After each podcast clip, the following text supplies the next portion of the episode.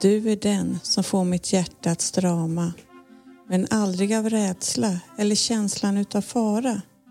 Du ger mig endast känslan av att vara älskad och omhändertagen. Av dig får jag aldrig ont i magen. Jag är van vid rädsla, glåpord och skada. Men så får det absolut inte längre vara. Du skulle aldrig tillåta ett sådant beteende. Nej, det enda jag får av dig är ditt varma leende. Trots mina mentala ärr står du vid min sida även när dessa får mig att verkligen lida. Med mitt ex var jag rädd för allt men med dig kan jag känna mig stark. Tillsammans vet jag att vi allt kan klara. Jag älskar dig och du mig och så enkelt får det faktiskt lov att vara.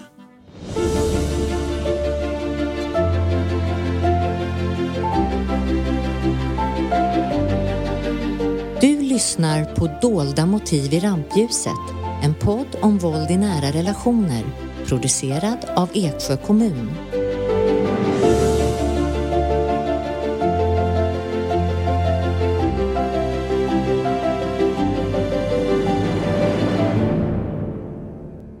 Nu börjar vi dagens avsnitt här med den här fantastiska dikten. Alltså jag känner själv här att jag har gåshud när jag läser upp eh, denna. Så eh, Mm. Ja, den berör det. Mycket. den berör jättemycket. Väldigt fin. Mm. Och jag vill passa på, dels vill jag hälsa dig välkommen Pernilla och mig själv till dagens avsnitt. Tack så jättemycket. Ja, och vi hälsar väl även er andra där ute om ni finns någonstans och lyssnar på oss. Men framförallt så hälsar vi dagens gäster välkomna. Ja, och idag har vi faktiskt dem här inne i studion. Det har vi. Mm. Det, och det är premiär för oss. Så det ska vi se om vi får ihop det. Men här har vi Lina och Karo. Hej. Hej. Ja, tack för att ni ville komma hit och gästa oss här idag. Eh, och jag tänker, vad handlar dagens avsnitt om Pernilla? Men då handlar det faktiskt om Lina som har levt eh, i en våldsam eh, relation och eh, som hon faktiskt har tagit sig ur och eh, börjar lita på kärleken igen och har faktiskt en ny relation. Så att eh, vi hälsar dig hjärtligt välkommen hit och att du ska få berätta din egen berättelse. Mm. Men först tänker jag, det här med våld. En upprepning tänker jag. Vad är våld? Vi tänker så här att våld är varje handling riktad mot någon annan. Som genom att denna handling den skadar, smärtar, skrämmer eller kränker. Och det får då den här personen att göra något mot sin vilja eller avstå från att göra något som den vill. Så att jag tänker så här nu eh, att Lina hon ska få berätta sin helt egna berättelse och eh, vad hon har varit eh, utsatt för. Och jag kan säga att vi kan säga att hon har ingen koppling här nu till Eksjö kommun utan våra gäster de Mm. håller vi utanför.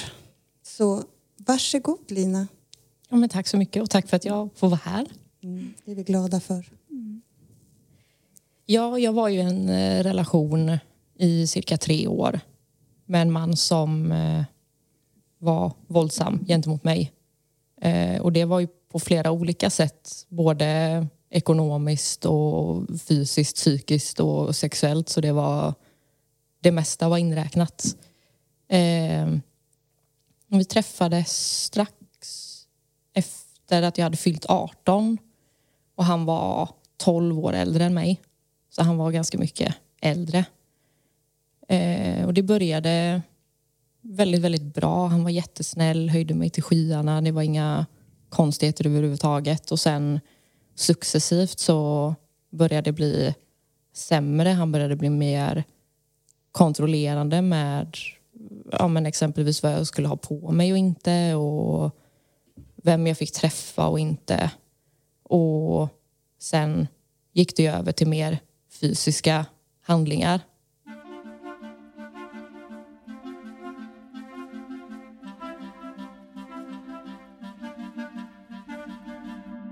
Träffades ni? Eh, vi träffades genom en eh, gemensam eh, vän, gjorde vi.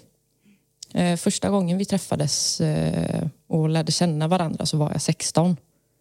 Så vi träffades när jag var ännu yngre men vi blev inte ihop förrän jag var 18. Upplevde du att det var det här att det här är för bra för att vara sant? Just jag tänker i början av eran, ert förhållande. Jo men så var det. Han var väldigt, eh, väldigt snäll och det var väldigt, alltså alla pratade liksom gott om honom och han var väldigt omtyckt och rolig och sådär. När ungefär upptäckte du att han var dominerande och, och liksom började det med kontroll eller hur, hur började det när du Det började väl med kontroll och framförallt alltså nedlåtande... Alltså att han pratade nedlåtande till mig. Påpekade saker jag gjorde eller sådär. Och det var väl ungefär tre månader in kanske som det började sakta men säkert gå liksom utför, eller vad man ska säga. Jag tänker din omgivning, vänner, familj, andra. eh, Sa de någonting? Märkte de någonting? Nej, det gjorde de egentligen inte till en början i alla fall utan det var mest alltså ut på slutet som eh, min omgivning började märka av att jag mådde sämre och sämre framför allt. Jag tänker du pratade mycket det här med ekonomiskt våld. Vi vet ju att det är många som kanske inte vet riktigt vad det är för någonting. Kan du berätta hur du upplevde just att, vad var det han kontrollerade dig över? Framförallt så var det att han använde upp mina pengar så att jag inte kunde köpa saker som var nödvändigt för mig, exempelvis p-piller. Eh, var en sån sak som han inte ville att jag skulle ha och därför så använde han upp mina pengar så att jag inte skulle kunna ja, köpa det och inte riktigt kunna ta mig någonstans utan jag var alltid ekonomiskt beroende av honom i och med att han använde upp mina pengar. Och det är ju ett maktmedel som vi säger Ja. och det fick han ju även dig att bli isolerad så att det Ja. är ju också det här psykiska Mm. våldet och, och konsekvensen av att av det här ekonomiska. Mm. Mm. Behövde du också redovisa det du hade handlat eller var det att nu använder vi dina pengar först och sen får han kontrollen över sina och dig? Det var väl väldigt sällan som jag handlade ensam. Han var ju alltid med när jag gjorde saker. Han hade ju inget, alltså ingen sysselsättning, inget jobb eller sådär. Så han var ju alltid närvarande. Jag tänker det, pengarna kom in på ditt konto Ja. först och du fick behålla dem på ditt konto. Ja. Mm. För det förekommer ju där man faktiskt tvingas föra över pengarna Mm. Nej, utan han eh, tog ju sig bara friheten att använda Mm. mitt kort när han gjorde saker. Också, exempelvis när han köpte alkohol och även droger emellanåt och sådär. Hur påverkade det här dig? Jag tänker både psykiskt och fysiskt, det du var utsatt för. Eh, alltså just det ekonomiska våldet eller våldet överlag. Våldet överlag. Ja, eh, alltså fysiskt så har det ju gjort, alltså jag har ju men än idag av eh, vissa behandlingar som jag fick av honom. Eh, och psykiskt, det är ju, jobbar jag ju fortfarande på. Alltså jag går ju fortfarande hos eh, ja, men inom psykiatrin och eh, sjukskriven och sådär. Och ni var tillsammans tre år sa du, tre och ett halvt? Ja, ungefär tre år Ungefär. så. Ja. Hur gick uppbrottet till? Det var... Eh, min mamma började inse mer och mer att det var något som var fel. Och jag... Eh, för vi gjorde slut under en period. Eh, och det mådde jag väldigt dåligt av. Jag visste liksom inte vart jag skulle ta vägen utan honom och sådär. Så min mamma bestämde sig för att ta med mig till Spanien i några veckor. Och det var under den Spanienresan när jag fick lite distans till honom som eh, ja, jag lyckades bryta mig fri från honom då. Hur, hur blev det för honom i det? Eller hur hanterade han det? Var han efter dig eller? Ja, han hanterade ju väldigt eh, upp och ner. Alltså, ena sekunden så ville han fortfarande träffas som vänner. Andra sekunden ville han inte ha någonting med mig att göra. Och sen ville han att vi skulle vara KKs. Han sa exempelvis att i och med att vi har varit tillsammans så pass många år så kommer det ta minst ett år för mig att komma över honom. Så då kan vi ju lika gärna vara KKs under den tiden. Eh, exempelvis. Eh, och han kunde även dyka upp om jag var i köpcentrum till exempel så kunde han dyka upp och försöka tvinga på mig pengar och sådana där grejer. Eh, så att jag skulle stå i någon typ av skuld till honom. Okej. Jag tänker att du hade ändå eh, ett stöd från din mamma. Mm. Så. Eh, hade du känt att, vad hade omgivningen, vad, vill säger så här, vad skulle omgivningen kunna göra för dig? Ville du att någon skulle upptäcka att se, se mig? Nej, jag tror inte... Alltså, I och med att jag var ju så manipulerad också så kände väl inte jag riktigt att det var någonting som var fel egentligen. Utan det var ju bara så här det var. Och han fick ju mig ofta att känna att jag, ändå, alltså att jag inte var värd mer än det jag fick av honom. Så det var ju aldrig att jag kände att någon måste hjälpa mig utan det var ju mer att försöka alltså undvika att prata illa om honom för att jag ville ju fortfarande att folk i omgivningen skulle tycka om honom i och med att det var en person jag hade valt att vara med. Det är vad vi också kallar för normaliseringsprocessen. Mm. Eh, så att det blir normalt och kan ju vara så att hade någon eh, sagt något till dig också så hade du kanske reagerat på ett annat sätt också. Att lägg det inte i eller Mm. Jo, men så var sånt det kan ju också vara väldigt vanligt. Mm. Jo, men så Just var för det att ju. man, man vet inte själv att man kanske är i en osund relation om Mm. man säger så. Nej, och det tog ju ändå några år innan jag faktiskt insåg att det inte var okej eller att, Mm. ja, men att det var fel. Liksom. Jag tänkte, hade du kontakt med socialtjänsten i det här någon gång? Fick du någon stöd därifrån? Nej, jag har aldrig vetat att man hade kunnat ta kontakt med socialtjänsten och därför så tycker jag att den här podden är väldigt alltså, bra i och med att den belyser just det. Eh, Om, om du backar tillbaka där lite, vad, Mm. vad tror du, hur, hur hade vi kunnat hjälpa dig i den situationen? Vad hade du behövt för extra stöd? Ja, alltså, det är ju så svårt att säga i och med att jag inte var mottaglig för hjälpen då. I och med att jag var i, ja, som ni sa, den här normaliseringsprocessen. Mm. Så jag tror att ifall någon hade försökt hjälpa mig då under den perioden så hade jag nog inte... ja, Jag hade nog mer försökt skydda vårt förhållande snarare än att ta emot hjälpen. Och jag kan säga att det är något vi ser väldigt ofta Ja. eh, när vi får in orosanmälningar. Eh, när man inte ansöker själv om någon hjälp och stöd.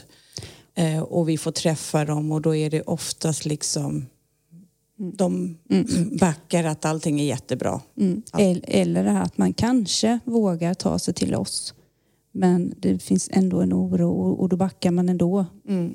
Så att det, det kan bli lite limbo. Det går Mm. lite fram och lite tillbaka. kan det göra i kontakten. Ja. Mm. Mm. Och vi har ju de som springer hos oss tre, fyra gånger. Alltså de går, får hjälp, går tillbaka, får hjälp, går tillbaka. Och det är också väldigt, det är en normal process. Mm. Så att det är ingen som skuldbelägger någon för att man velar. Det är ambivalent som vi säger att många är. Utan Det är otroligt starka känslor Ja. som är i Ja. omlopp. Jag tänker det, det är var både det- kärlek och, och rädsla. Ja. Det, det tvirvar många gånger. Och jag tänker, du var ju väldigt ung i den här relationen och det Mm. är det vi också ska belysa idag, just ungas relationer. Att för det är ju där vi måste eh, börja jobba just för att ungdomar mellan 15 och 24, de är den gruppen i samhället som är mest utsatta för våld. Mm. Och det är vad forskningen liksom säger.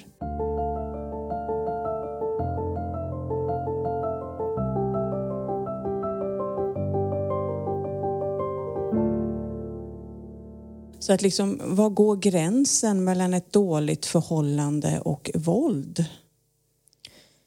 Ja, alltså våld är väl för mig i alla fall att det är någon som medvetet gör någonting för att skada en annan person eller då den som den är i ett förhållande med. Eller, ja, det kan ju vara vänskapsförhållanden eller vad som helst men just att man medvetet gör någonting för att den här personen ska må dåligt. Och det är ju helt rätt.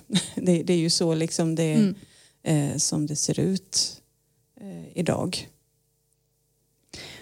Och då är det ju lite grann där, hur- hur hjälper man varandra om man upptäcker att den ena har, i en kompisrelation, att den ena har kanske ett, är inne i ett dåligt förhållande, att det är våld som förekommer.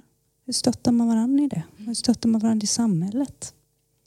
Jag tänker här, Carolina, vad tänker du nu också när du har hört eh, Linas eh, berättelse? Eh, vad tänker du där liksom att just det här med som Sof- eh, Anna-Sofia sa då, hur hjälper man varandra? Eh, i- I vanliga fall så kan det vara ganska svårt att upptäcka att någon lever i en, alltså en dålig relation eller våldsam relation. Oftast kan man upptäcka det genom att man höjer sin partner på ett nästan på ett omänskligt sätt. Alltså att man höjer som att man är tillsammans med en kung, att det finns inget fel, det finns ingenting som är dåligt och då är det oftast antingen att man är fast i en bubbla av att den här personen höjer mig så mycket att jag börjar gå på moln. Det finns ingenting som kan stoppa mig. Och där brukar väl jag se en liten varning till att varför höjer du den här personen så pass enormt mycket? För att oftast är det, när man ser att någon är kär då sitter de oftast, alltså det, det är ju lite som på film, man sitter och fnissar lite men det är så här bubblor i magen. Liksom, man blir så här, men när det blir så här att allt de gör är så fantastiskt, det är så bra, det finns ingenting som är fel. Då brukar jag oftast alltså, hoppa in och säga på ett sätt så att, inte så att man blir så här bara, hur ska jag förklara det?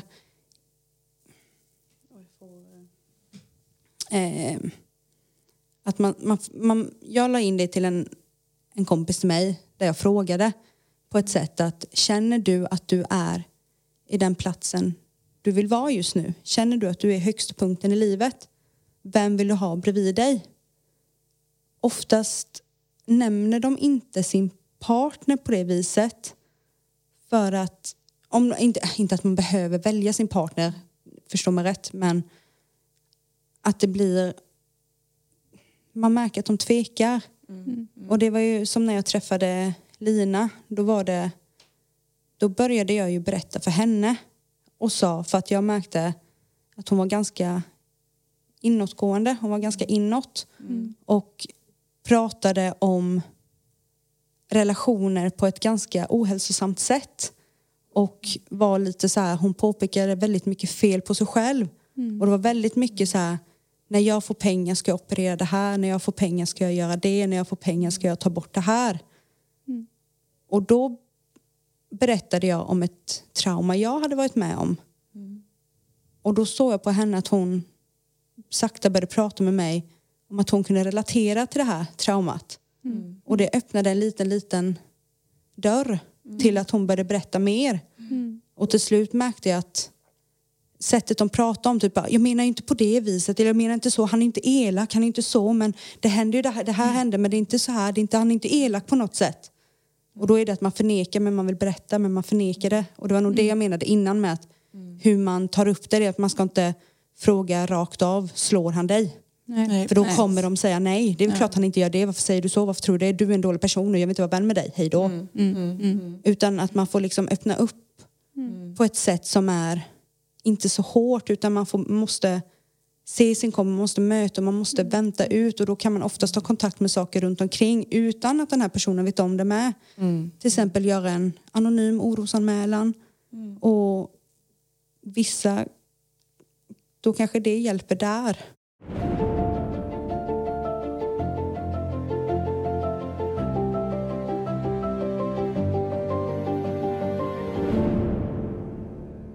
Och vi kan säga just det här fina som du berättade just nu, du, du var ju så klockren där, men just att personer som har lämnat en, en våldsam relation, de känner ju oftast det här skammen och skuld. Eh, och inte, alltså, inte bara för att de själva kanske ser sig som en orsak till våldet, utan även att de inte har brutit upp även för relationen tidigare. Så att, även som du berättade Carolina, att just det här med ja, att man kan gå in där med skuld och skam, att man tar på sig själv rollen. Eh, För att det försvinner ju inte bara för Nej. att du träffar en ny person som kanske behandlar dig väl. Har du inte fått hjälp från det gamla förhållandet så kommer Nej. det ligga kvar i det nya. och då Absolut. kommer man hitta man kommer hitta saker som gör att det här vågar inte jag göra med min nya partner för min gamla partner tyckte inte om det. Så det betyder att ingen tycker om det för det är mig det är fel på. Och, och på något, det är ju tabu att prata om våld. Det gör man ju inte bara rakt upp. Tyvärr inte. Det borde vara lika självklart som mycket annat egentligen. Jag blir illa behandlad eller jag känner mig inte hel när jag är med den här personen. Så det, där har vi fortsatt mycket att jobba kring tänker jag. Att, det ska vara, att det ska vara lätt upp och prata om det. Ja, så är det ju. Och jag har ju fortfarande problem med vissa saker än idag. Alltså i mitt nuvarande förhållande. Och nu är jag ju med en man som behandlar mig jätteväl och han är jättesnäll på alla sätt och har jättestor förståelse för ja, men, mina psykiska problem som jag har. Och det är ändå saker som fortfarande kan ja, men, slå slint ibland eller som kan kännas obehagligt ändå. Och det är inte så konstigt heller för Nej. just av sådana här trauma man är utsatt för när det gäller all sorts form av våld. Och oftast är det kombination, det är inte att man bara är utsatt för psykiskt eller bara fysiskt eller bara ekonomiskt utan det är ett sammanhang om man säger. Det, det är flera handlingar liksom, i en, Ja, så är det. en handling. Och oftast är det att eh, just de som utsätter en för våld går ju in på väldigt känsliga grejer. Och specifikt hos kvinnor så påpekar de saker som gör att man kan få tekniskt sett men för resten av livet. Men man tänker Visst är alltid... det så? Och det kan vara... Och det är just typiskt för att de sätter oftast, speciellt unga män, kan sätta en... Ska man säga, de, de, de sätter en spärr hos just unga kvinnor också. Att de påpekar liksom att vilka konstiga bröst du har. Mm. Och sen vågar de aldrig någonsin visa sig för någon igen. Och inte ens för någon de är bekväma med någon. Så vågar de inte ens vara intim med någon för att de har påpekat hur ens underliv ser ut och att det är konstigt, onormalt, att det är äckligt. Och det är, och det är typ ens mest privata sak man har. Ja, det är Alltså som- int- integritetskränkande. Precis, Alltså, och det, det är börjar, det de på, börjar de påpeka det så kan det sätta så mycket spärrar resten av livet. Och det är det vi tänker också just där. I förra avsnittet pratade vi mycket om det här eftervåldet. Eh, efteråt också hur när man har lämnat en eh, sån här dålig relation. Eh, för enligt forskning det kan ta 10-20 år innan man liksom, du kan aldrig glömma, det kommer aldrig försvinna. Men man kan lära sig att leva med det. Och det är väl där man liksom ska hamna om man säger. Eh, Så att eh, vården efter är ju så himla eh, viktig. Och jag tänker här nu... Ja, och, och det, just det där att komma till vården. Och det kan handla om både vad det gäller fysiska och, och psykiska problem. Man kanske behöver en sjukvårdskontakt. Men symptomen man har, hur ska man beskriva dem? De kan många gånger vara väldigt diffusa. Om man blivit utsatt kan för vara våld. väldigt likt andra Ja, liksom, diagnoser också. Så kan det vara. Så. och just att få kunna berätta och, och på något sätt känna sig hörd och, och betrodd utifrån sin historia. Det är också otroligt viktigt i det bemötandet. Eh, Men också förstå att ja, det har varit med om, eller att de ska förstå att det är våldet som har orsakat de här symptomen. Och det handlar mycket om att man måste våga berätta att det har med våldet att göra också. För att om du går till en sjukvårdskontakt och säger att du känner dig lite nere. Då blir det ju lätt, ja men det kanske är depression till exempel. Men om man då inte tar upp någonting om våldet då kan de ju inte hjälpa en med det heller. Så man måste ju någonstans våga ta det steget också. Vi har ju mycket härifrån att man ska våga fråga. Mm. Det är som en liten kampanj som vi eh, eh, har varit ute med nu i ett par år här faktiskt. Eh, att man ska våga eh, fråga. Vi tänker dem ute i verkställigheten, vi tänker dem inom sjukvården.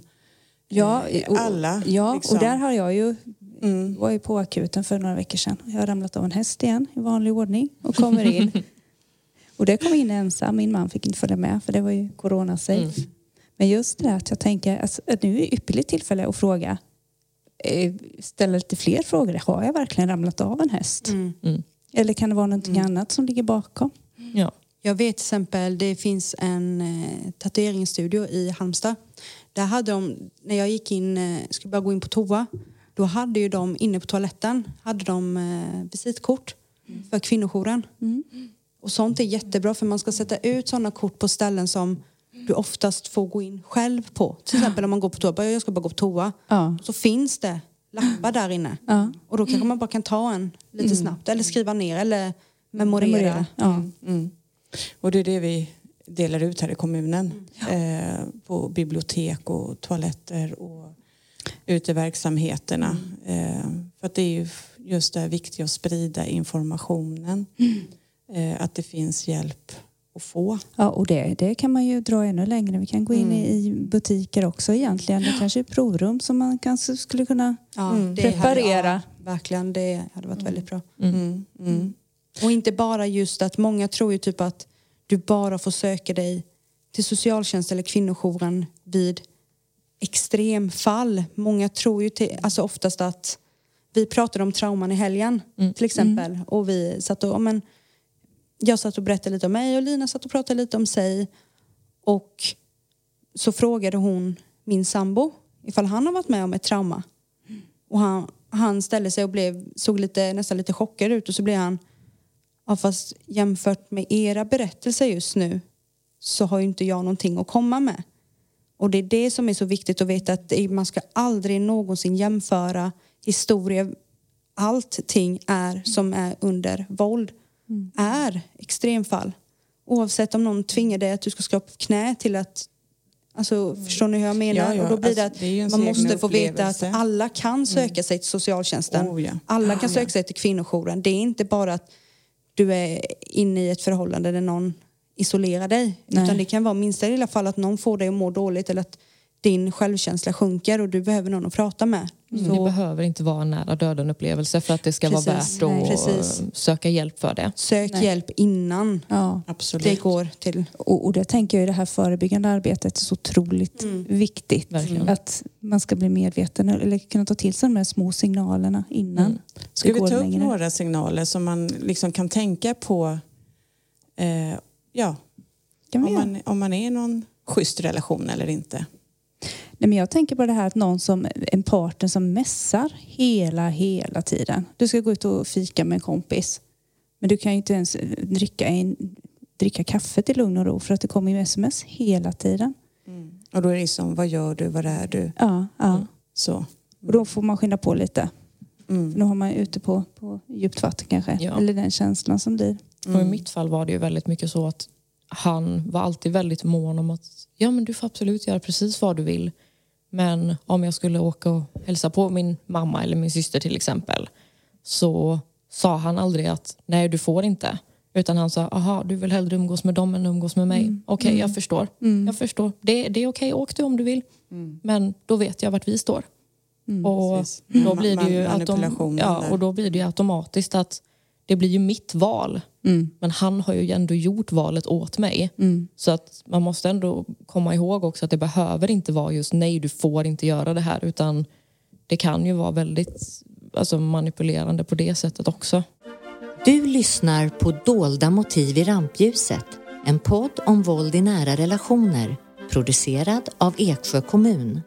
Och jag tänker också det här med, med svartsjukan. Hur, när vi den övergår denna omsorg, man tror att det är en omsorg av någon. Att man kanske håller upp dörren eller gör frukost. Men när blir det en svartsjuka som blir, blir farlig? Jag tror att det kan ha mycket att göra med alltså, om man känner sig hur ska man säga, alltså övervakad eller att man får ångest av tanken, alltså ifall det är en after work till exempel, eller att man ska hitta på någonting med en kompis efter skolan eller vad det kan vara. Att man på något sätt känner ångesten över att ja, det hade varit jättekul men jag borde åka hem. Jag, jag borde verkligen åka hem. Eller att, ja men som ni nämner innan, att man får sms hela tiden och att det blir väldigt, ja men att det blir väldigt på. Och att fråga vem är du med? Ifall du är ute med dina vänner. Att, de, personen ringer och frågar vem är du med? Vem är du med? Och det är ju också den här manipulationen som kan vara att om, alltså till exempel om jag hängde med en killkompis till exempel och han ringde så var jag väldigt mån om att vara så här, "Jaha, alla måste vara tysta nu, ingen får säga någonting och så gick jag därifrån för att jag visste att det egentligen inte var okej att det umgicks med andra män. Oj. Då skulle du få höra det efteråt sen då. Ja, men precis. Och då har det ju gått för långt. En person som du är med ska ju vara glad för alla dina vänskaper oavsett om det är samma eller motsatt kön. Och där är också en signal som vi kan se att eh, man börjar snacka skit om, eh, om vännerna, om familjen. Eh, och just det här du tog upp att de bara, ska tillbringa tiden bara vi två. Så där har du också en signal, eh, tänker jag man kan liksom börja plira på att det är inte okej. Ja.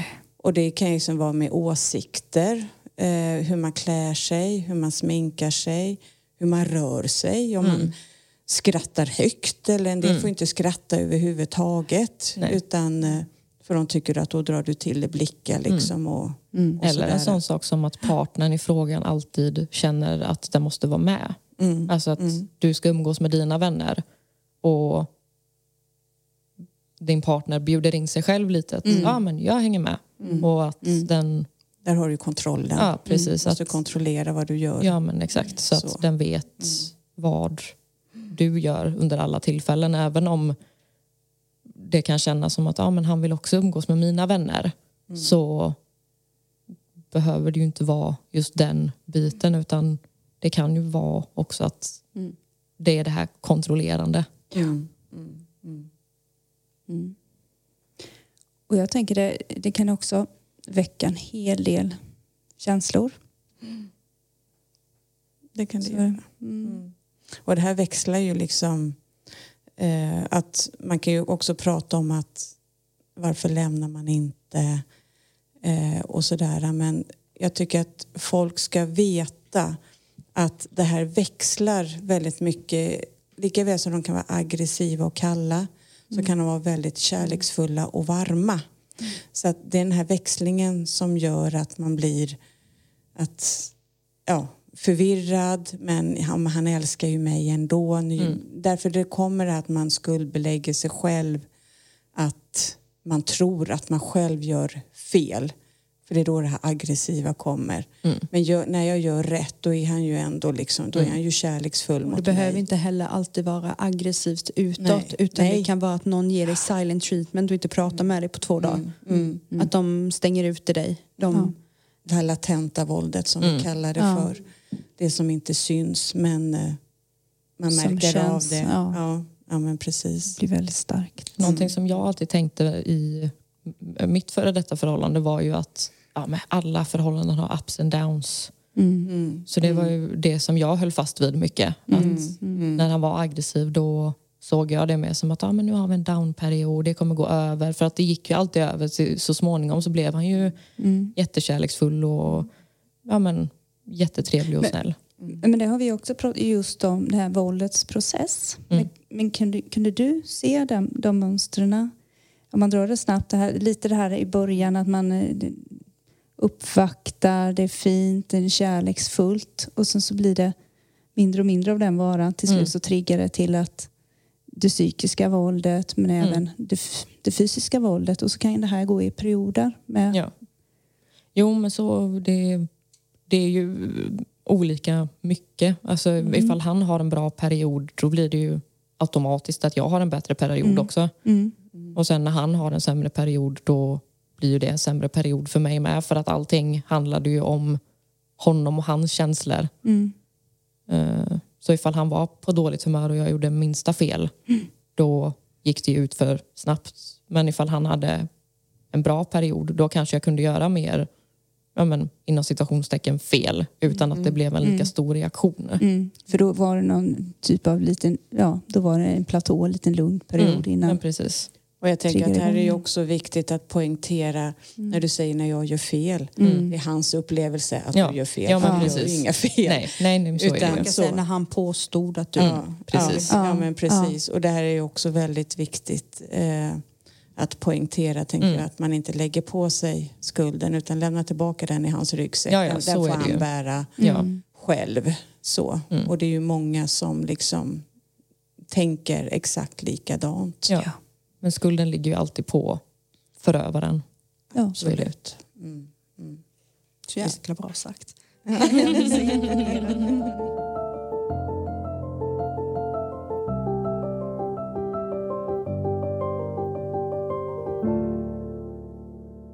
Men jag tänker här då att eh, om vi går in på här, vad är en schysst relation?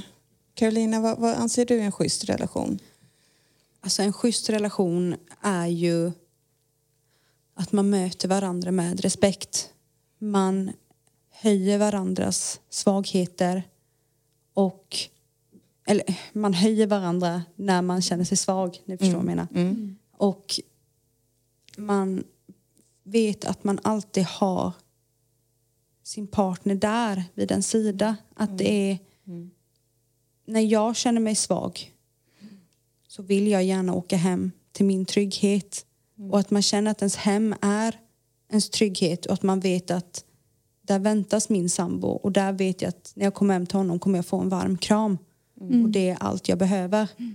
Men om man känner att där är inte min trygghet utan jag vill åka, jag, vill, jag åker hellre till min kompis Mm. eller jag åker hellre hem till mamma och pappa vilket inte är fel men men om man just tänker relationsbaserat så är det ju att mm, respekten är A och O att om någon säger nej då är det nej.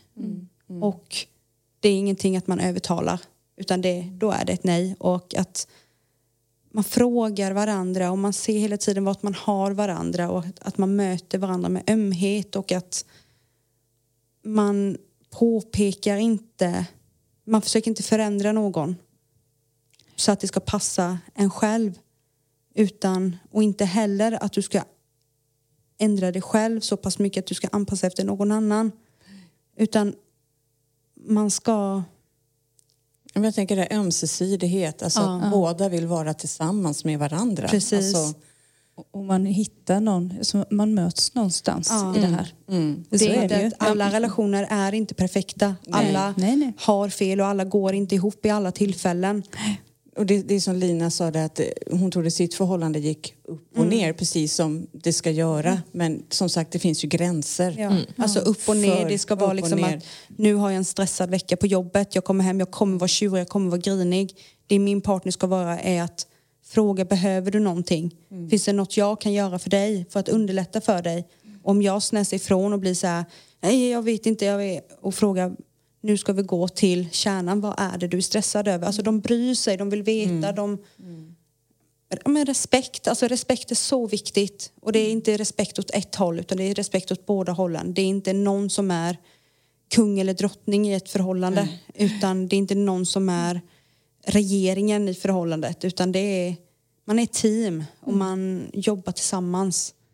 Och jag brukar alltid säga det att du behöver inte alltid gå upp på samma stig med din partner. Men så länge ni går två olika stigar, men så länge ni håller handen och hjälper över ibland till den andra sidan så funkar det. Men det gäller inte att den ena ska springa på stigen och du ska försöka klättra en hinderbana efter bara för att du ska följa efter dens fotspår och att du ska anpassa efter allt den gör. Då funkar det inte, då är det inte en schysst relation. Vad säger du Lina? Är det här någonting som du kan relatera till? Eller? Ja, men det, jag håller med om det som Carolina säger. Att det är väldigt viktigt att man respekterar varandra. Att man håller en öppen konversation med varandra om det är någonting och ifall, ja men som hon säger, om den ena mår dåligt så ska man finnas där för personen och hjälpa till. Man ska, men man ska intressera sig för den andra personens ja, men, intressen. Man ska liksom och, inte sucka och säga Åh, nu mår du så här igen. Nej men precis, utan det ska vara vi, alltså, att nu får vi lösa det här tillsammans. Och jag tänker också det här, vi är olika personligheter. Mm. Att kunna, man lär sig av varandra. Ja, vi, men vi är olika. Mm. Men Och det är okej att man är olika. ja, Ja, annars hade det varit tråkigt om alla var som mig till exempel. Ja, det, det var ja, skittråkigt. ja, eller det hade inte funkat hemma. Två jag. Nej, det, vi hade Det är inte gått ihop överhuvudtaget.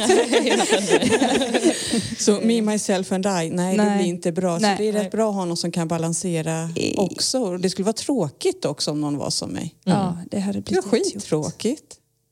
Nej. Mm. Nej men alltså det, det, är liksom, det är ju det här viktiga att, att man trivs tillsammans, att man vill göra saker också. Sen kan man göra olika saker också. Jag menar, jag har ändå varit i ett väldigt långt förhållande. Och för att det också ska hålla i att jag måste ju få ha mina saker och, och mina egenheter och kunna åka iväg. Och det är viktigt att man själv ger sig tiden att göra det. För att det är inte alltid att Ibland så kände jag när jag träffade min sambo så kände jag oftast att jag var, ville åka hem till honom. Jag ville göra saker för honom, laga mat att visa typ så här, jag är bra, jag är duktig, jag är fin. Och han, han bad mig aldrig göra de här sakerna. Men jag kände att jag var tvungen att göra det för att jag hade ju trauman innan där jag aldrig kände mig bra nog hur mycket jag än gjorde. Så dög det aldrig och folk kastade bort mig som en liten vante. Och då kände jag verkligen att jag måste verkligen göra allt för att visa att jag är top notch.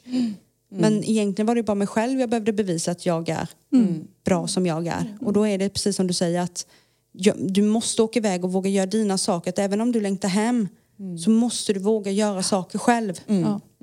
det, du behöver inte heller, även om du har en bra relation så behöver du inte ha med din partner överallt vart du än är. Nej. För att då Nej. klistrar du fast dig, eller du tillförlitar dig på någon som känner att den kan inte lämna dig för att du klarar det inte själv. Men det gör vi. Ja, men därför är det så viktigt att man ger varandra den eh, friheten till att... Och i och med att man då sen innan hade barn hemma så var det ju verkligen att ha den här connection att nu åker jag iväg i helgen. Ska du göra någonting? Nej, jag ska inte. Ja, men vad bra. Då får du vara hemma. Och så åker jag iväg. Och så vice versa att ja, men nu vill jag nu är inte han en sån som åker iväg så mycket. Men det kunde hända. Och det var ju liksom, ja men åk, gör det då. För att börjar man det här att begränsa, förbjuda. Nej, nej. Eh, det är då det liksom blir, eh, kan bli, då håller det inte så länge. Nej. Så, så är det ju bara. Och även om man kanske har en partner som reser mycket, kanske är i jobb eller iväg borta flera veckor eller så, att man känner att man till slut är ensam, då är det att det viktigaste är att man måste våga prata med varandra och säga det typ att jag känner mig ensam eller att jag känner mig förträngd, jag måste få frihet, du kväver mig liksom. Vi är för mycket med varandra eller vi är för lite med varandra. Och, och då är det grundkännande att prata och känner man att man inte kan prata med sin partner eller att man känner att man blir rädd och säga det att jag vågar inte säga att jag ska iväg i helgen. Jag vågar inte säga att jag ska sova över där. Vad, tänk, vad ska han säga? Vad gör han då? Vad, vad ska han säga? Vad, alltså, Där är ju en öppning till att känna att någonting är nog inte rätt.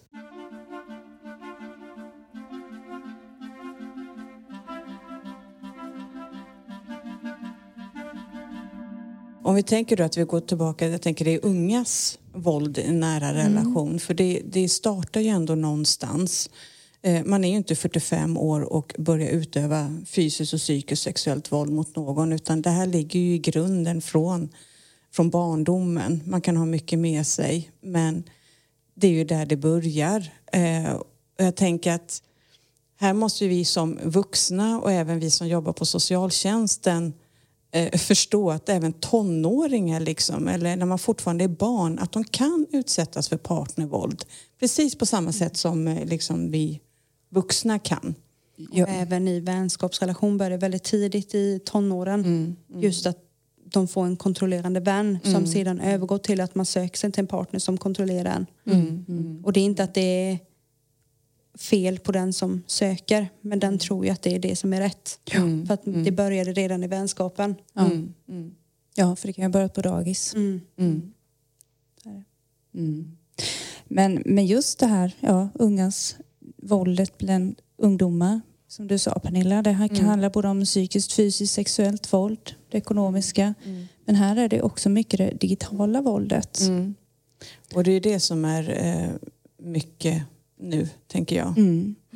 Och, och just det här att eh, man fotar, man sprider fotona på nätet, på olika sidor. Det kan till och med vara Hot. filmer. Ja. Också.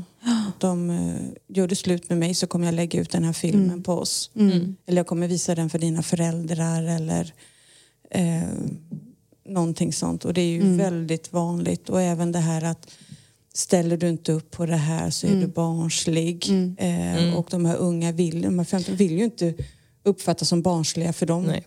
Som 15-åring är liksom, Mm. herregud nu är jag i puberteten, nu börjar jag bli vuxen. Mm. Så att, eh, oftast är det också att när du blir kär, när du är ung, mm, mm, så försvinner man in, eller de, de försvinner oftast in i en bubbla Mm. av kärlek och de ser inte någon värld utanför. De ser bara sig själva och den här partnern som de har hittat. Och då blir det som ni säger, att man kanske börjar hitta, att man skickar bilder på varandra, alltså till varandra liksom och mm, du vill visa upp det kanske lite sexy för din partner. Mm. Och när de sedan börjar använda det som ett hot mm. och det är väldigt, väldigt vanligt och speciellt idag när det kommer allting till Snapchat och det är Instagram och det, det sprids men sen försvinner de. Mm. Men alla har sett och alla vet om. Mm. Och den känslan för ungdomar att gå genom korridoren i skolan och veta att ja, där går hon, hon på Snapchat. Mm. Eller hon på Och Instagram. då kommer de här fula orden också, där kommer Mm. horan. Mm. Eh, och då lägger de all skuld på tjejen. Mm. Mm. När jag gick på högstadiet var ett exempel, då använde de väldigt mycket, för det var precis när det började med internet. Och då började de med smeknamn som förkortningar. Alltså, jag kan bara ta ett exempel, typ så här, om de kallar bara, ja, men där kommer AB. Och så betydde det någonting, men det var ingen annan förutom det här gänget som visste vad det betydde. För de har gjort en egen lista med... Ja, och sen berättar de vidare, bara, vad betyder det? Så berättar de det och sen börjar alla skrika efter en och alla utom offret vet om vad det betyder. Mm. Och där är också en maktposition och oftast Ja, ja. kommer det från någonstans. Ja. Och det är här det är så himla viktigt att vi måste börja arbeta mot killars liksom, våld mot eh, tjejer. Ja. Och vi vet Och att det även tjejers finns... våld mot mot- tjejer. Ja, ja, det är ju samma sak. Och man kan inleda relationer i vilken konsultation eh, som helst. Utan det är liksom, och det är just det här vi vill uppnå nu, det är att förebygga det här våldet. Och det är ju mycket nu med både nationellt och internationellt Mm. Mm. som vi... Eh, eh, vi får ju mycket uppdrag eh, från, uppifrån, om man säger så. Och det oftast känns som att det börjar bli väldigt vanligt nästan att även om det är en, oftast kanske känns som en skam att prata om det så känns det som att det är mer öppet att prata om det nu att folk har börjat på ett sätt normalisera det på ett skämtsamt sätt. Mm. Utan de, man kommer och man kanske har en... Säg att jag trillade och slog i huvudet i bordet. Jag fick en blåtira. Mm. Mm. Och folk skämtar om typ Eller så att man går in i en stolpe. Nej, så men kan in- man in- också få ja, en blå tira. ja, Men sen också att man kommer och så skämtar folk typ så här bara Nej men jag blir slagen där hemma du vet typ så här. Och det blir de skämten normaliserade också. Mm. Och det är nog också för att de vill lindra sin egen ångest. Alltså nu menar jag typ att man verkligen har trillat och slagit sig i Ja. marken men Jo, om man men drar precis. dem. Man drar de skämten och det är för att tänk om du hade kommit och sagt att Nej, men fan, jag, jag blev slagen hemma. Det, det är inte skoj längre. När, utan någon, det när någon frågar på fikarasten Ja. och man svarar precis rakt upp och ner hur det hur det är. faktiskt är. Och det, jag tror det är därför de också skämtar bort det, för att de inte kan hantera det. Ja. Men du kan hantera det på ett skämtsamt Ja, nu sätt. menar jag de som inte hade varit utsatta för det men ja, de drog ja, men precis. Det är skämten ändå. För att då är det lätt att dra skämten liksom. Men Mm, mm. för de som faktiskt har varit med om det och skämtar om det är det oftast ett sätt att bearbeta sitt trauma. På Absolut. ett enklare, i parentes, sätt. Liksom. Absolut. Jag tycker också just det här med att skämta om det, det kan ju göra att de som faktiskt har blivit utsatta för det också känner att ja, men det är bara någonting som skrattas åt. Så Mm. Precis. det blir någonting som man inte riktigt vågar säga på ett seriöst sätt för att det är ändå någonting som de tidigare har sett att folk bara går och skrattar åt att äh, jag blev slagen hemma, ha ha ha. För man har ju märkt utifrån nu, typ, vi får ju höra väldigt mycket från olika personer i studion hela dagarna. Alltså allt från unga till äldre. Hur de pratar. Vi hade, jag hade ett par tjejer för några veckor sedan som frågade mig ifall jag hade sambo. Och då sa jag bara, ja det har jag. Och då frågade de lite diskret så här, hur tycker du en sambo ska vara? Och då frågade jag dem, hur tycker ni att en kille ska vara? Och då var de typ så här, den ena sa typ bara, ja, jag, jag känner bara känslan att jag kommer nog aldrig hitta någon som passar mig. Och så jag bara, men varför ska, vad menar du? Typ så här, nej men jag, jag passar ju inte in någonstans. Jag bara, men det har ju inte med dig att göra vem du ska träffa. Du ska träffa någon som du älskar, som du känner att den passar dig, inte att du passar honom eller henne. Och då bara där märks det att ah, det är en helt annan värld idag för ungdomar än vad det var Ja. för en annan så just med internet och allting att du måste vara Kan perfekt tänka hela oss då tiden. på Hedenhös tid. Att Ja. Vi satt just och pratade om skrivmaskin innan. Eh, nu sitter vi här med datorer. Alltså, vi, det har ju förändrat sig som sagt. Eh, och det kan vi också nämna att förr då var det ju mer tabu. Du skulle inte prata om det. Det skulle skötas inom hemmets fyra väggar. Eh, men nu, alltså, man ser ju med all forskning och sådär hur det drabbar en person. ja men jag märker ju bara med min, med min egen bror att han kan bli lite så här typ bara, "Ah, men det ska alltid pratas om jobbiga saker hela tiden. Och då medan jag och Lina är typ så här, ja för någon dag kanske det händer dig och du behöver prata om något jobbigt. Och då kommer du veta exakt vem du ska gå till. För då har du hört de här personerna sitta och prata om det hörnet och veta att om jag hoppar in kanske nämner någonting som jag tycker är jobbigt och helt plötsligt så är du en av oss. Det, det är inte jobbigt att prata om längre för att Nej. då vet man vart man ska gå. Du lyssnar på Dolda motiv i rampljuset, en podd om våld i nära relationer, producerad av Eksjö kommun. Jag tänkte vi kan gå in här. Vad, vad, vad kan samhället göra, Anna-Sofia? Samhället. Ja, Ska samhället detta. göra någonting? Ja, jag tänker det. För de här unga kan ju liksom... Det är inte alltid att de fixar det på egen hand. Nej, men jag tänker att där behöver vi ju, vad får jag säga, vi gamla vuxna. Ja. Alltså vi, vi kan ju börja på, i vårt Vi unga vuxna. Ja, vi kan börja i vårt lilla, att bara vi, vi på en fikarast, att faktiskt prata om, om det som är viktigt. Att kunna lyfta frågan hur man har det hemma, hur man har det i sin relation, hur man är mot varandra. Och det kan ju handla om att hur man är i, alltså i relation med kollegor och titta på sig själv lite. Hur pratar man med varandra? Hur, eh, hur pratar man om andra som inte finns, finns vid bordet? Eh, och, hur, och hur vi är viktiga rollmodeller för de yngre. Eh, och det tänker jag i alla åldrar. Och det här är ju någonting som jag tycker vi måste börja med med de små barnen. Vi, alltså vi börjar redan på, på dagis. Att prata om hur vi pratar med varandra och att det är okej att prata känslor. Mm, mm. Så jag, jag. ja, så jag tänker, hur tänker ni att samhället behöver agera eh, för att kunna förebygga just våld i nära relationer? Alltså mer information, mer information. Alltså få hjälp av, alltså till exempelvis kreatörer att göra affischer på ett sätt som tilltalar folk. Att ha en vanlig affisch som det står exempelvis bara Eksjö kommuns logga och så någon text. Folk går bara förbi det. Men ser de kanske någon äh, cool graffitivägg som det står eh, ja, men våga fråga på en cool graffiti-style. Mm. Då kommer folk som går där, de, de ser sånt varje dag och då kommer de gå förbi det och så kommer de undra vad är det här för något? Alltså man måste gå ner till den gränsen att man tror att man måste ta hjälp från ungdomar till exempel. Hitta ungdomar som är intresserade utav exempelvis men våld i nära relationer. Det finns Alltså det finns tonåringar som är 13-14 som brinner för det ämnet. Alltså man tar in dem, man tar hjälp. Vad, hur får vi kontakt med dina kompisar? Vad kan vi prata om det? Man kan ha öppet, alltså nu är det corona, men om vi skulle ha öppet hus i en tatueringsstudio skulle locka en helt annan form av människor. Och bara prata om sånt här och speciellt gå till unga tjejer i tidig ålder och inte bara från skolan, inte bara lärare. För att alla anförtror sig inte till sina lärare utan de kanske anförtror sig till en förebild, kanske en, alltså stans bagerska. Kanske alla älskar, alla vet vem det är, typ, så alla vet vem som jobbar på eh, studion, alla vet vem som är busschauffören vid den här tiden. Alltså, Ja. bjud in sådana människor som folk vet vem det är och fråga är du intresserad av att vara med här? Vi behöver locka till oss folk för att få mer information. Vi, det- pratar tänk- mycket om civilkurage Ja. också. Och att- Eh, Det är ju det, för det här är ett samhällsproblem. Det här måste vi göra på alla nivåer. Alla har ett ansvar. Jag som granne har ett ansvar. Eh, busschauffören har ett ansvar.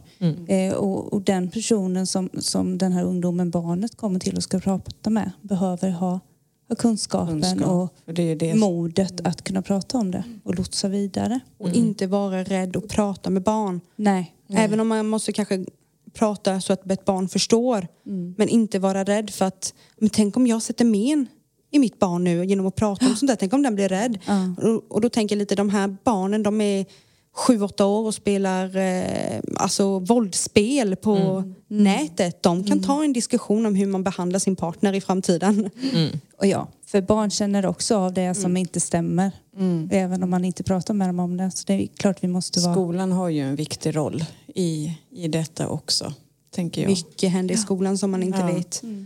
Eh, och vi även pratar om liksom att de ska så även just när vi går till det här sexuella, just det här porrkritiska samtal med barn och unga, att de måste våga prata om det. Att allt som händer i porrfilmer, det är inte det som kanske sker på riktigt sen. Precis. Utan, eh, Och där kan vi även gå tillbaka till att även om många börjar kolla på porr i ung ålder och så träffar de en tjej för första gången och de ser dens underliv och säger att usch, usch vad äcklig. Ofta du ser ut sådär. För de har sett någon som är slätopererad och inga problem alls alltså, i en film och tänker att det är så det ska se ut. Och där är det viktigt att veta att, liksom att kläder och sånt där också. Ja, att det- du ska det är vara inte- bekväm i, i det du också ser- om du Och det är då alla unga kvinnor måste veta men- att det är inte dig det är fel på. Nej. Det är Nej. samhället som har påverkat.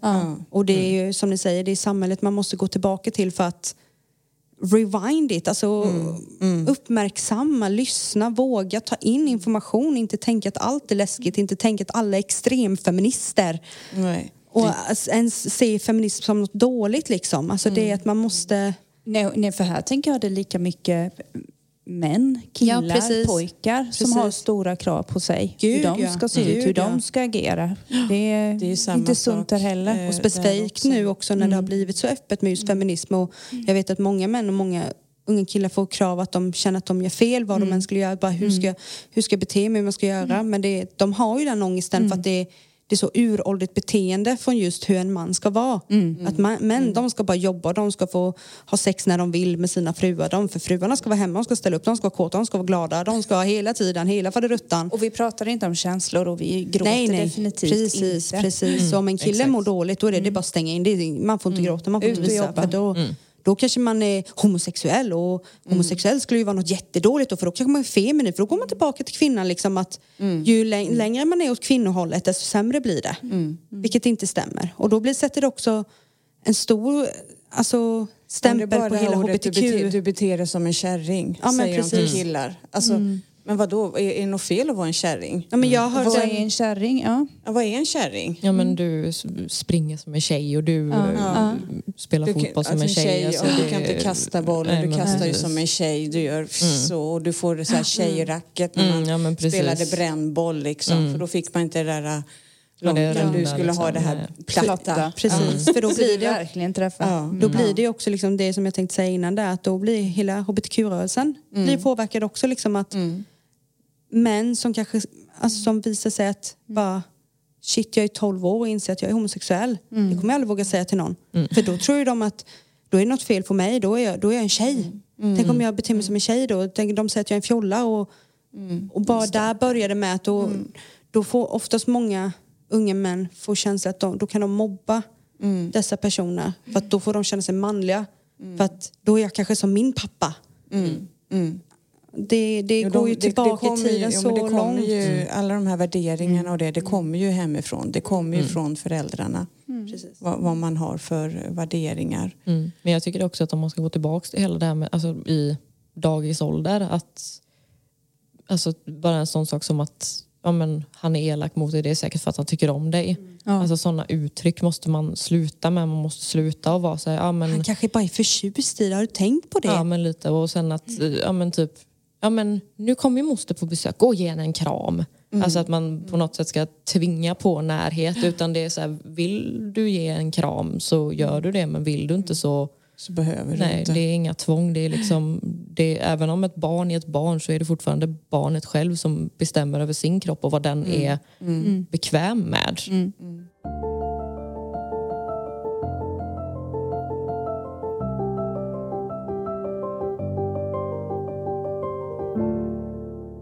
Och jag tänker just det här med, då att, med, med att söka hjälp. Vad är det som gör att man söker hjälp som ung? Eller vågar man söka hjälp?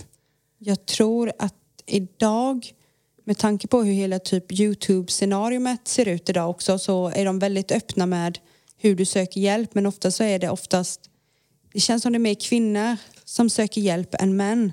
Och att det känns som att det är mer utåtriktat för kvinnor att söka hjälp på ett helt annat sätt. Eh, och det är nog också oftast för att kvinnor blivit åsidosatta i så många år. Och speciellt i just våld i nära relationer för att man tänker att min relation är bra som den är. Men så började det med att en kompis, som i mitt och Linas fall, jag började påpeka till Lina att jag tror inte det du har gått igenom är så bra. Och hon blev så här, va? Nej, jag klarar mig. Bara, ja, du klarar dig. Men nu ska vi se till att du får hjälp. För att så här kan vi inte fortsätta. Och se på dig idag. Jag följde med henne på hennes första möte. Där var jag stenhård mot vården. Och det är inte att jag skyller på vården på något sätt. Jag skyller inte på hjälpen runt omkring. Men den här skammen som hon har fått bära på så länge. Så gick jag in dit och slog näven i bordet. Så här ligger det till. Det här har hon varit med om. Hon kommer inte säga det själv. Men nu säger jag det. Så nu vet ni vad ni har att jobba med. Gud vilken fin vän du är Carolina. Och vilken kämpe Ja. Lina är Ja, som är låter mig få göra det. det är inte många stöter ifrån sina vänner som försöker hjälpa. Och det är, men hon är så här, ja jag tar till mig hjälpen. Men jag tänker nu också Lina att eh, du är ju faktiskt i en kärleksfull relation idag. Ja, jag är ju det. Ja, så att, Nyförlovad och allt. ja jag tänkte jag tänkte komma till. Var det det vi skulle knyta ihop? Ja, jag tycker det är så fint att, liksom att man kan faktiskt hitta kärleken igen. Ja. Eh, och som vi sa, och du har hittat en, en fin kille som du vill vara med. Och hon Ja. har vågat börja prata också. Även om någonting kanske inte känns rätt idag så pratar hon om det och frågar. Är det så här det ska vara i ett förhållande eller tänker jag fel eller tänker jag rätt? Att hon har vågat börja prata om det på ett helt annat sätt. Mm. Och framförallt att jag pratar med honom också. Alltså både om det som har hänt tidigare så att han ska ha en förståelse för hur jag reagerar på vissa saker till exempel. Eh, men också att ja, men han, alltså, han tar verkligen till sig mig som jag är bara. För du är bäst som du är. Ja, du, Men jag Visst tänker, är jag det? Ja, du är det. Det är bra. Bra Lina. Men det är ju så fantastiskt, det är så fint att som vänner kunna sitta ner och prata om det som är det viktigaste och prata om relationer och hur har jag det och hur ska det kännas så här och att kunna bolla det med varandra Ja. är helt fantastiskt och det önskar jag att Mm. alla, alla, alla kunde göra. Lägga ifrån sig Ja, de här mantlarna och eh, idealen och bara Mm. vara människa. Och vi är ju väldigt öppna som personer och Mm. vi är ju öppna till att kanske hjälpa andra också. Det är ju en dröm som Ja. både jag och Lina har också att vi kan utnå just till unga personer eller folk som har Mm. hamnat snett i relationer. Och, Men jag tänker bara att ja, gå ut och träffa ungdomar mm. Ja. och prata om hur man faktiskt kan vara mot varandra eller vara goda förebilder. och Ja. att livet är inte över. Du kan få börja om. Det finns, Du har en, ett, en chans att få börja ett nytt liv utan din förövare. Att du är mer än din förövare. Du är... Vad, vad kan vi ge för tips nu till, eh, om vi tänker att vi har spannet här, de här unga personerna upp till 25 år. Från 15. Alltså vad, vad kan vi ge för tips? De som både är i skolan och de som kanske också har lämnat trygghet som kanske skolan ändå har varit och ska ut och, och möta en relation. våga prata och våga stå upp för dig själv. Och det är det svåraste av allt, det är att stå upp för sig själv. Och våga sätta ner foten vart som är fel och vad som är... Men om du inte klarar det själv så finns det hjälp på till exempel socialtjänsten. Bara frö, alltså så ett frö någonstans. Var inte ensam. Jag tror också att man ska våga tänka själv. Alltså inte försök att inte förneka. Är det någonting som inte känns bra, då är det okej att det inte känns bra. Det är ingenting som du behöver känna att det är något fel på dig som person ifall du känner på ett visst sätt utan alla dina känslor ska valideras. Eller att det skulle vara larvigt. För många blir Precis. så att nu är du larvig igen. Mm. Mm, mm. Man Det tar är inte man dem inte. på allvar riktigt så. Precis. Mm. Och just också att det är okej att inte ha en partner också. Det är okej att vara själv om man vill. Ja. Och att du behöver inte leva ditt liv efter att hela tiden hitta en partner. Eller att söka efter någonting. För det är okej att vara ensam och stark också. Och det är okej att lämna en relation. Det är okej att vara kvar i en relation. Men det, det viktigaste är att du ska må bra. Mm. Du måste tänka på dig själv i första hand. Liksom. Alltså egentligen jag skulle känna att jag skulle kunna sitta och prata så här hur länge som helst. För att ni, alltså, jag måste tacka dig Lina än en gång för din berättelse och att du verkligen har varit så öppen eh, med oss och de som lyssnar också.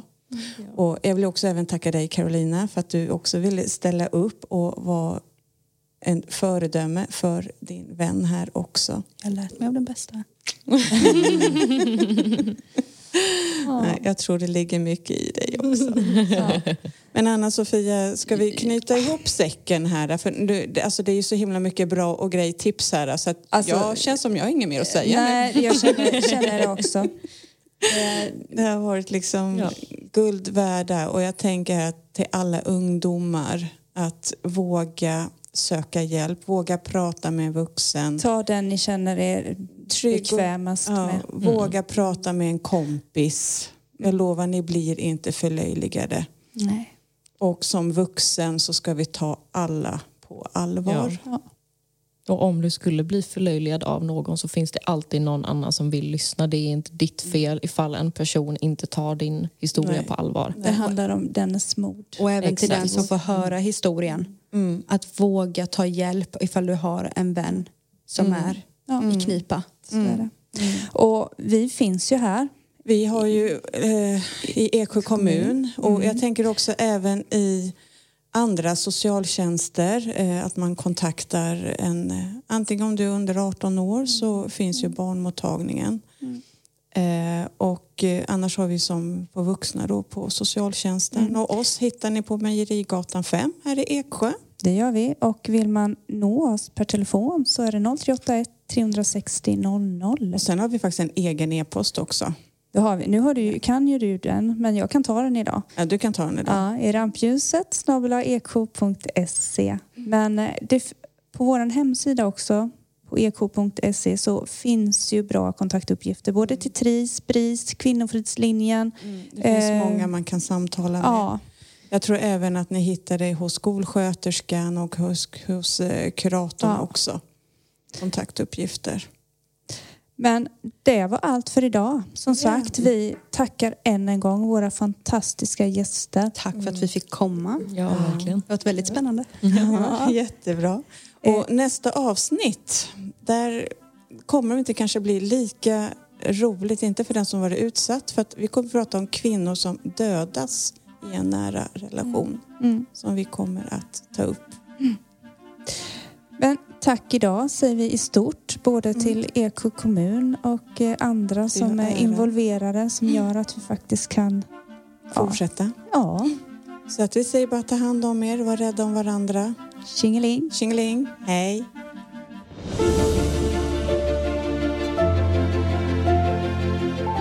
Du har lyssnat på Dolda motiv i rampljuset.